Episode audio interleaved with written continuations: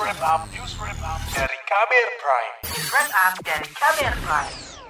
aku kalau nggak ke RSJ, aku bakalan mati gitu. Jadi pilihan aku saat itu adalah tinggal aku pergi atau aku mati. Dan aku nggak mau mati karena Amani bercerita tentang detik-detik ia kabur ke rumah sakit jiwa Jawa Barat pada akhir Desember 2021.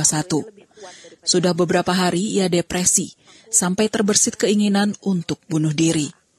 Setahun sebelumnya, Amani memang sudah didiagnosa menderita gangguan mental, sulit fokus dan hiperaktif atau ADHD, depresi, serta bipolar. Aku emang sudah beberapa kali pernah attempting suicide. Pokoknya aku udah ada di ambang batas. Aku harus diperhatikan terus gitu. Karena aku ini sangat-sangat impulsif. Triggernya saat itu adalah aku ada masalah dengan akademik. Aku nggak bisa ngerjain tugas. Amani kuliah di jurusan seni rupa sebuah kampus di Bandung.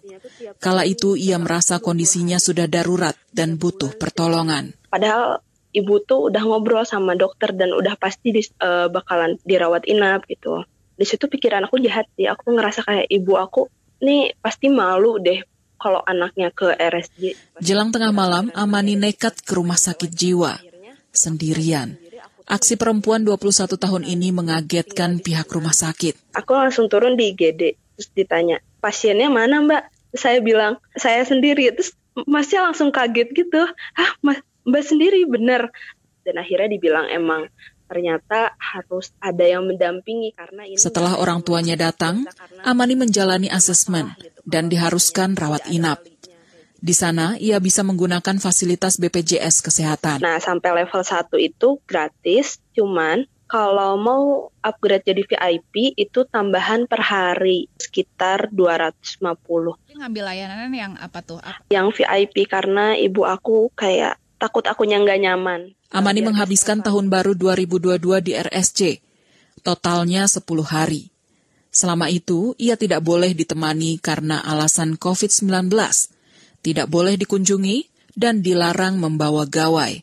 Fokusnya adalah pemulihan diri lewat rutinitas. Jam 5 pagi itu bangun buat sholat, sekitar jam 7 itu makan, itu dikasih obat. Setiap Selasa Kamis itu dapat aktivitas. Ada badminton, ada pingpong, melukis, memasak, berkebun. Terus selesai itu terserah mau ngapain. Sampai jam 12 sholat, terus makan siang. Sorenya sekitar jam 4 itu dikasih makan malam karena jam 5-nya itu minum obat. Terus jam 6 disuruh masuk ke kamar dan habis itu dikunci kamar yang nggak boleh keluar.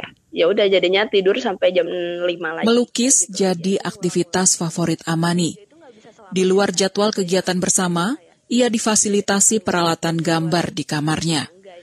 Selama dirawat di sana, Amani menyadari banyak stigma keliru tentang RSJ. Penanganannya pun profesional. Eh, setiap dokternya datang kayak seminggu dua kali itu ada konseling mempertanyakan kayak progresnya gimana dan mencari tahu eh, sumber masalahnya apa biar nanti setelah keluar masalah itu nggak balik lagi. Amani punya banyak teman.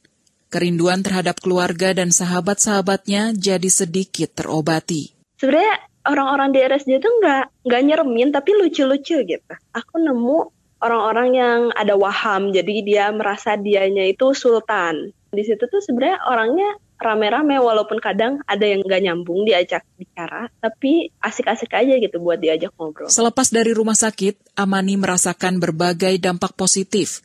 Lebih mengenali penyakitnya dan cara mengelolanya. Ia kini paham, saban bulan bakal mengalami fase manik. Jadi hipomanik itu kan aku bahagia banget, terus impulsif. Aku bisa jajan, aku pernah ngabisin satu juta cuman berapa hari gitu. Iya kayak I'm the- Fase ini berlangsung sekitar empat hari. Kemudian beralih ke fase depresi selama 20 hari. Amani menerapkan rutinitas di RSJ untuk mengelola gangguan bipolarnya, seperti beraktivitas fisik, menggambar dan menulis. Ia juga disiplin berobat ke psikiater dan konsultasi ke psikolog. Semua ini dilalui Amani dengan dukungan penuh dari keluarga. Pokoknya kalau aku habis relapse, mereka jagain aku. Kalau misalnya aku sedih, aku cuman minta peluk, udah gitu aja. Iya mereka jadi tahu banget dan ya walaupun masih nggak bisa dan nggak ngerti cara manage-nya, tapi mereka berusaha buat belajar dan lebih baik lagi. Amani ingin lebih banyak orang melek tentang kesehatan mental, dan ia menemukan cara untuk berbagi pengalaman. Seperti apa? Simak kisahnya esok. Demikian laporan khas KBR, saya Astri Yuwanasari. Kamu baru saja mendengarkan news wrap up dari KBR Prime. Dengarkan terus kbrprime.id, podcast for curious mind.